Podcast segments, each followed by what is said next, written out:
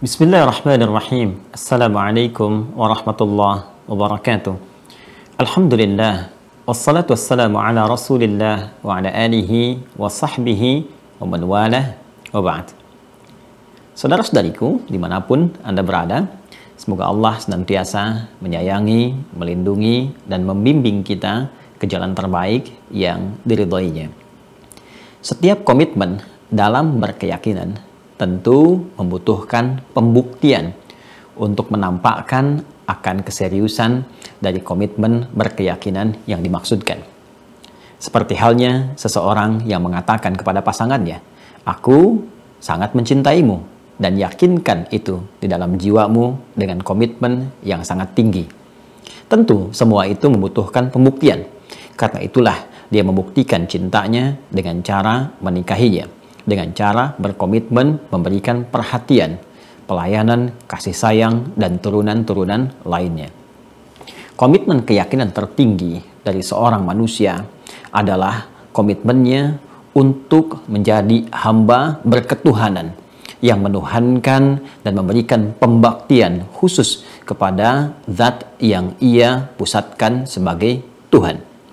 Bagi seorang muslim, tentu saja pusat kebertuhanannya akan diserahkan, dipasrahkan, dan ditujukan kepada satu zat yang sempurna, yaitu Allah Subhanahu wa Ta'ala. Untuk itulah, ketika seorang Muslim berkomitmen untuk berkeyakinan teguh menuhankan Allah Subhanahu wa taala yang dalam bahasa syariat disebut dengan iman, yakin tanpa ragu, maka secara logis konsekuensinya ia mesti membuktikan kebertuhanannya kepada Allah Subhanahu wa taala. Ketika ditanya, bagaimana engkau membuktikan bahwa engkau yakin bahwa Allah adalah Tuhan? bahwa engkau menuhankan Allah Subhanahu wa taala, tentunya kita harus menunjukkan ekspresi keimanan itu keyakinan tanpa ragu itu dengan sebuah pembuktian.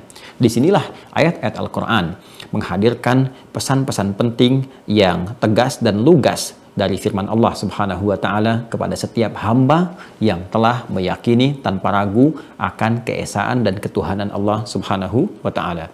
Quran surah ke-20 Taha ayat ke-14 di antara sekian ayat yang menegaskan tentang pesan penting ini. Allah berfirman, innani anallah la ilaha illa ana fa'budni wa aqimis salata li dhikri. Innani anallah sungguh aku tegaskan kata Allah akulah Allah. La ilaha illa ana. Tidak ada Tuhan yang layak dipertuhankan.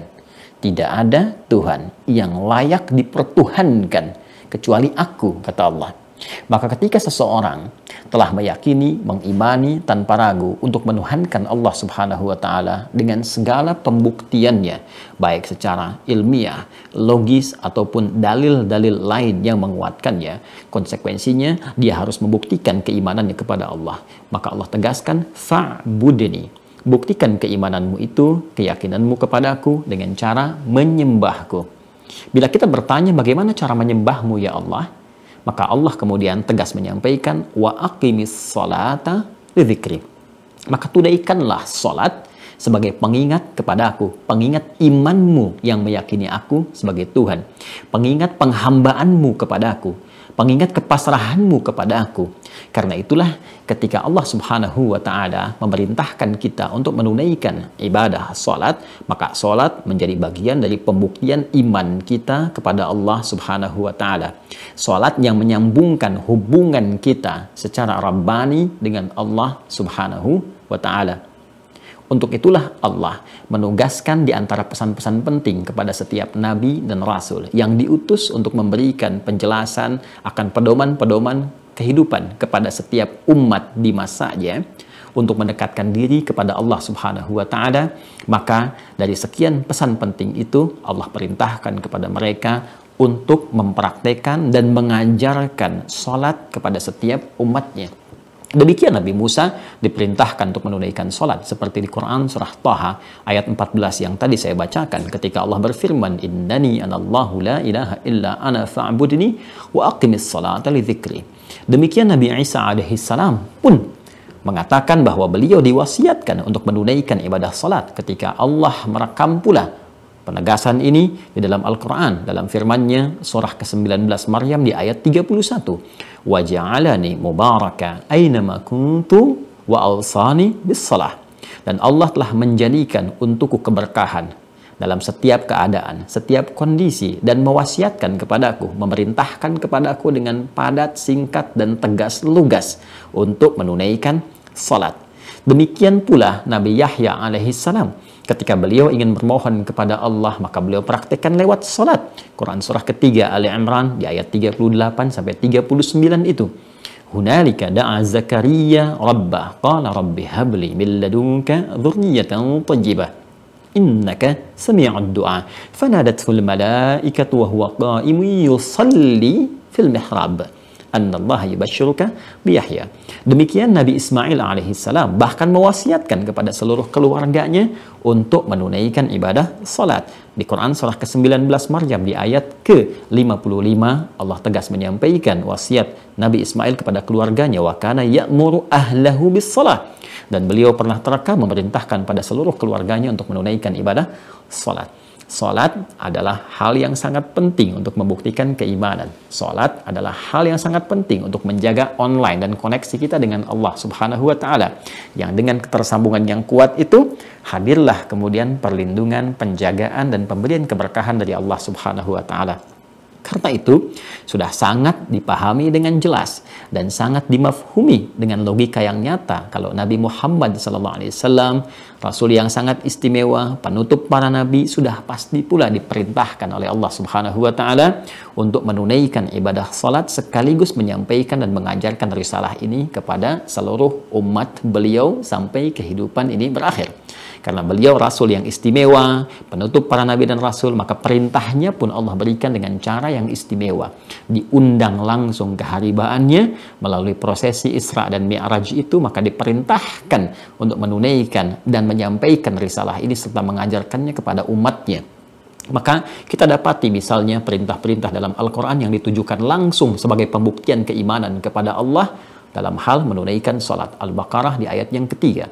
Alladzina yu'minuna bil ghaib wa yuqimuna salah orang-orang yang meyakini Allah Subhanahu wa taala sebagai Tuhannya yang hak walaupun tak mampu memandangnya pada saat itu, meyakini tentang adanya malaikat yang mencatat dengan sifat gaibnya, meyakini tentang alam-alam yang tak nampak dalam pandangannya, maka dia membuktikan keyakinannya kepada Allah itu dan seluruh hukum yang mengikat dengannya dengan cara menunaikan ibadah salat.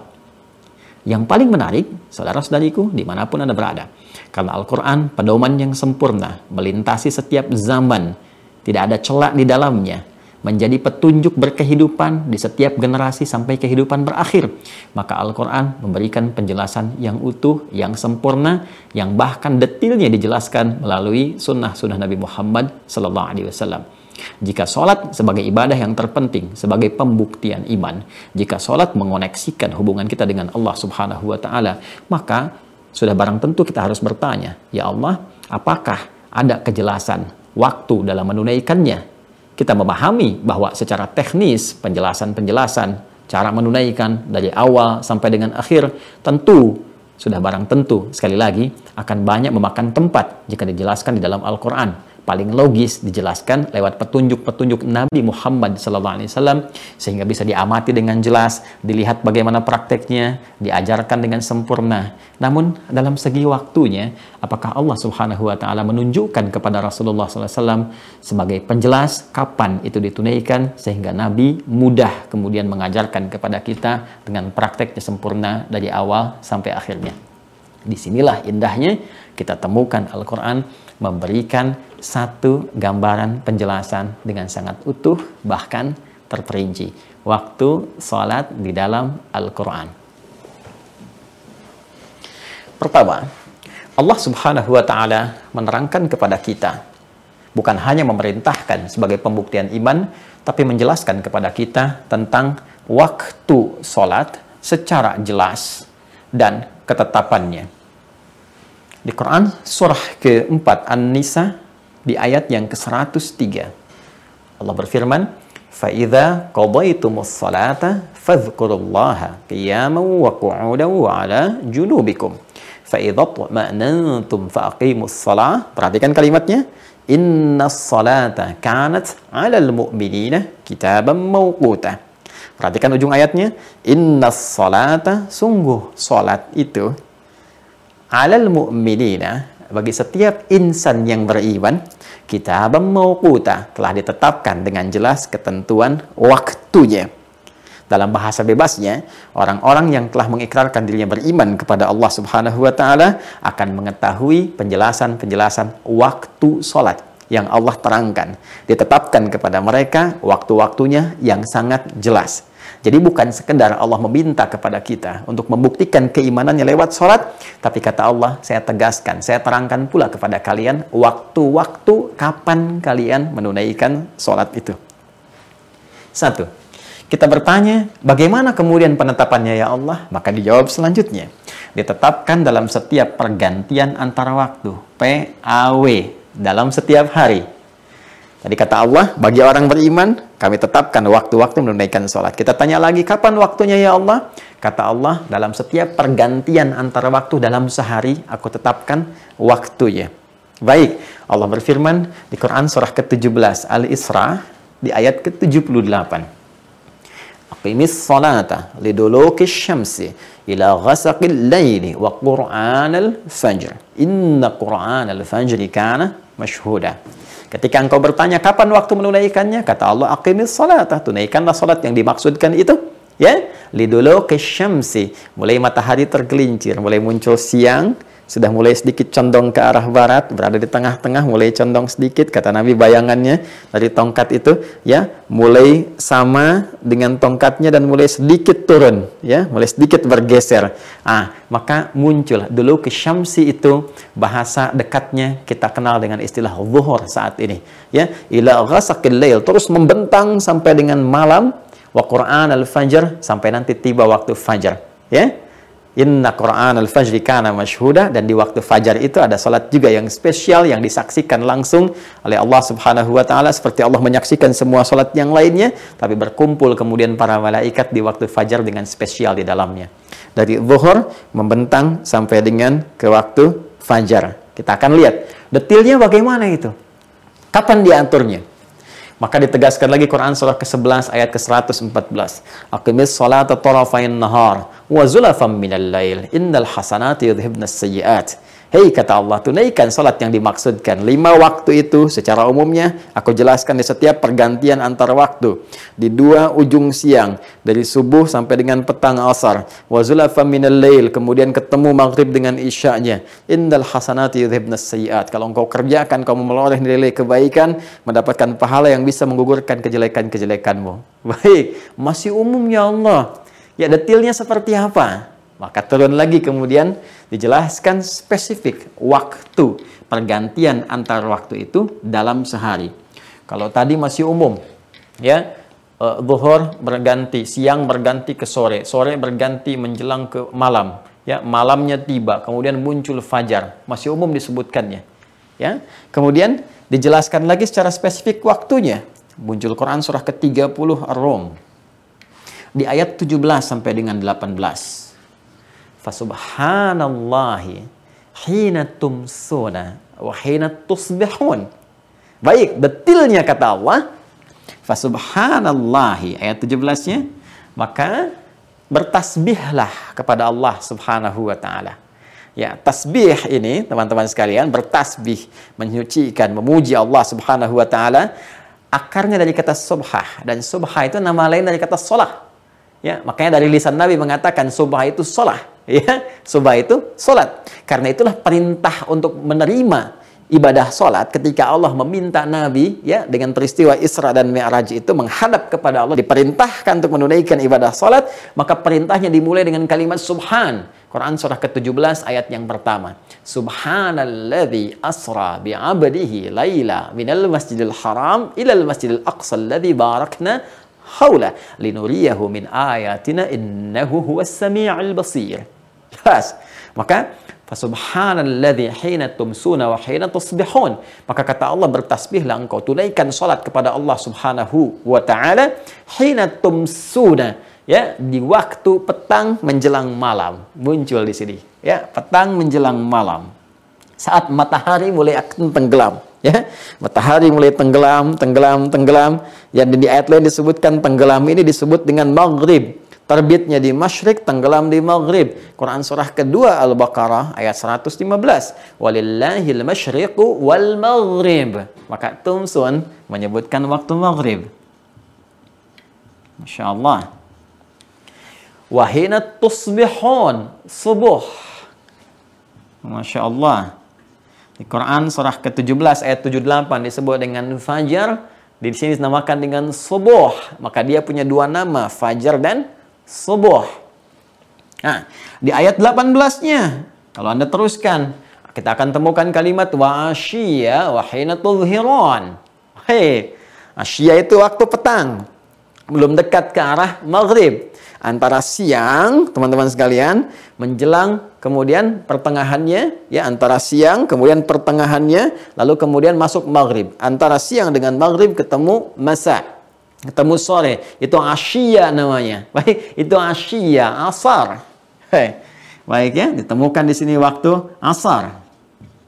Ya, Asar menunjuk kepada momentum yang harus dimanfaatkan dengan baik karena hikmah tertentu di Quran surah 103 wal asr demi momentum waktu yang aku berikan untuk beraktivitas ya.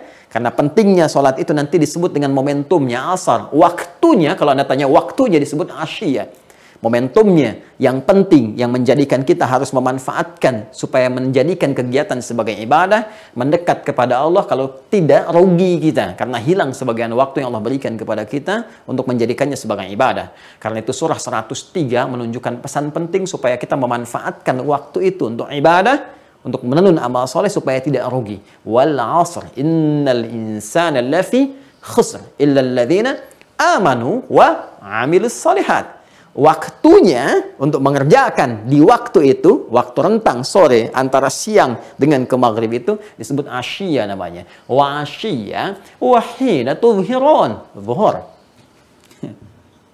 Masya Allah. Ah. Zuhur tiba. Maghrib, subuh, asar, zuhur. Satu lagi apa? Quran surah ke-24 ayat ke-58. Ya, kalau Anda terus baca ayatnya sampai ke ujungnya Anda temukan kalimat mim ba'di salatil isya thalathu aurat. Dan setelah engkau menunaikan salat isya itu, minta izin ya kepada ayah ibu, minta izin kepada ahli rumah kalau ingin masuk ke kamar, ketok pintu dulu di tiga waktu yang paling utama kan? Waktu kemudian sebelum subuh teman-teman sekalian waktu kemudian dalam suasana siang setelah beraktivitas mungkin sedang ganti pakaian dan juga waktu setelah menunaikan sholat isya. Min ba'di sholatil isya isya disebutkan. Hai. jadi tiga pergantian waktu ini ya. PAW pergantian antar waktu disebutkan oleh Allah Subhanahu wa taala. Tiga yang tadi saya maksudkan tiga ayat ini ayat 17 18 surah 30 1 2 kemudian ayat 58 surah 24 mencakup lima pergantian waktu dalam sehari untuk mengetes iman. Kan? Ya sekaligus menunaikan ibadah sholat itu. Kata Allah aku jadikan PAW pergantian antara waktu lima kali dalam sehari. Subuh cek iman masih ada atau tidak Sekali lagi, karena sholat membuktikan keimanan kita. Ada getaran nggak ketika disebutkan nama Allah? Imannya bergetar nggak? Ya kan? Itu yang dimaksudkan Quran surah ke-8 Al-Anfal di ayat yang kedua. Innamal mu'minuna alladzina idza dzukirallahu wajilat qulubuhum wa idza tuliyat alaihim ayatuhu zadathum imana wa ala rabbihim yatawakkalun. Sungguh insan beriman yang sejati itu bisa dicek imannya. Di antaranya jika disebutkan nama Allah maka ada getaran dalam hatinya. Maka panggilan menunaikan ibadah sholat itu didahului dengan kata Allah. Bukankah kita dengar panggilannya dengan kalimat Allahu Akbar, Allahu Akbar? Ya kan? Sampai kita temukan kalimat Hayya ala sholat. Dibukanya dengan apa? Allah, Allahu Akbar. Ya, bukankah kalimat Allah itu adalah kalimat yang menunjukkan kepada Tuhan yang hak? Yang kita katakan dalam syahadat, asyhadu an la ilaha illallah. Ketika Anda mengatakan asyhadu an la ilaha illallah, Anda beriman. Ya, iman kepada siapa? Yakin tanpa ragu kepada Allah. Tidak ada Tuhan selain Allah, Tuhan yang hak. Maka diuji kita, buktikan lewat komitmen. dengan ibadah. Bagaimana caranya? Panggil dulu. Ada nggak sinyal iman dalam dirinya? Allahu Akbar, Allahu Akbar. Muncul. Bukankah subuh ada pengecekan iman ketika kita mendengar itu? Bukankah itu panggilan sholat untuk membuktikan komitmen keimanan kita? Kemudian ganti waktu ke siang. Masih terang nggak? Ya, kita beriman. Masih nyata nggak keimanan kita? Terang, nyata, bahasa Arabnya disebut dengan zuhur ya wahina tudhirun dan ketika waktu zuhur pun dipanggil lagi Allahu akbar Allahu akbar cek imannya masih ada apa enggak ya ketika tiba waktu sore itu asyia jangan-jangan kita rugi nih karena ada orang subuhnya beriman sorenya imannya enggak ada Jangan-jangan waktu yang diberikan tidak dimanfaatkan dengan baik. Memanfaatkan waktu dengan baik untuk kepentingan ibadah dan membuktikan iman disebut dengan asar namanya. Wal asr. Innal insana lafi khusr. Illa alladhina amanu apa dampak dari iman? Wa amilus salihat. Apa amal soleh pertama setelah beriman? Alladzina yu'minuna bil ghaib wa yuqimuna shalah. Makanya disebutkan asar untuk membuktikan komitmen kita dan menunjukkan konsekuensi dari pembuktian iman kita untuk menunaikan salat. Salatnya disebut salat asar. Waktunya disebut dengan asyia. Wa asyia. Quran surah kedua, empat tadi. ya Atau Quran, kita kembali ke surah 30 ayat 18 tadi. Ya, Quran surah ke-30 ayat 18 wa asyiyya wa hina. Sampai masuk kemudian ke fase menjelang malam di sore terakhir saat matahari akan terbenam. Maghrib bukankah dipanggil lagi dengan suara adzan? Allahu akbar Allahu akbar.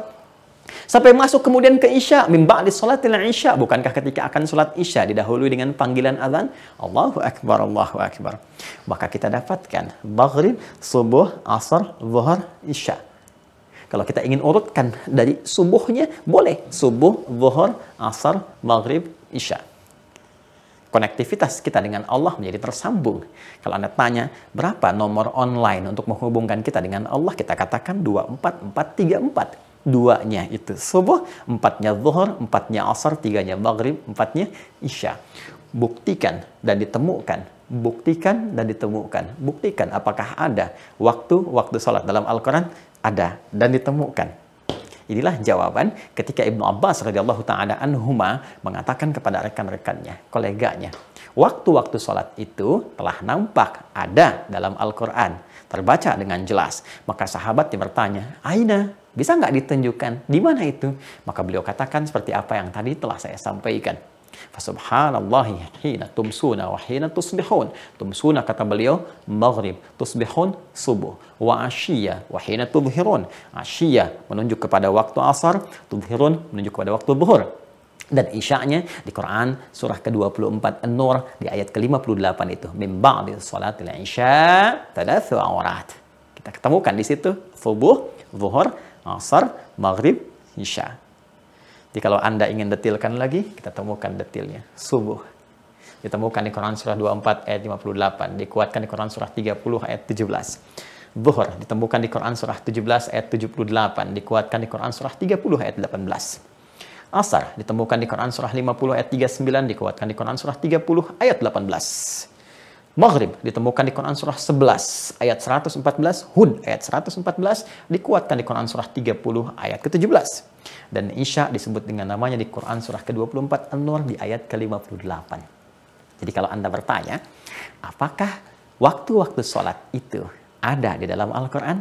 Maka jawabannya bukan hanya ada, tapi jelas, terang, dan sangat detail Saking terang, jelas, dan detailnya, Allah meminta kita menjaga waktu-waktu sholat itu dengan komitmen menunaikan sholat yang dimaksudkan.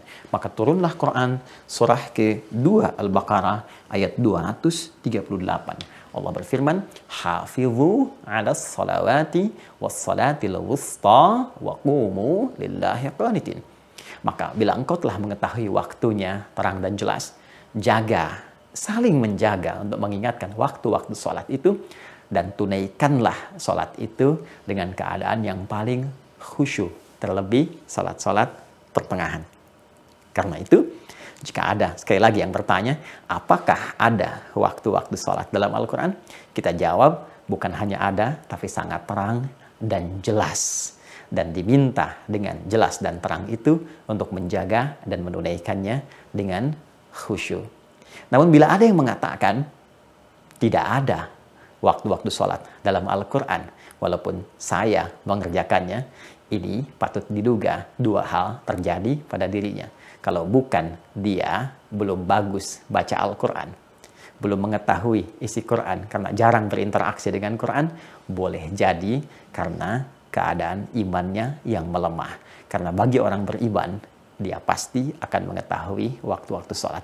Inna sholata kanat alal mu'minina kita membawa kuta. Sungguh orang beriman itu akan jelas baginya nampak tentang waktu-waktu sholat itu.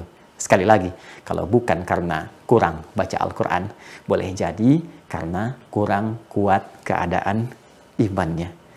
Dan yang paling menarik adalah di saat setiap insan beriman mulai mencoba khusyuk untuk menunaikan sholat, ternyata masih ada orang yang baru ingin mengetahui kapan waktu sholat itu dikerjakan. Semoga Allah subhanahu wa ta'ala menjaga keimanan kita, kekuatan diri kita, dan memberikan kesenangan untuk berinteraksi dengan Al-Quran.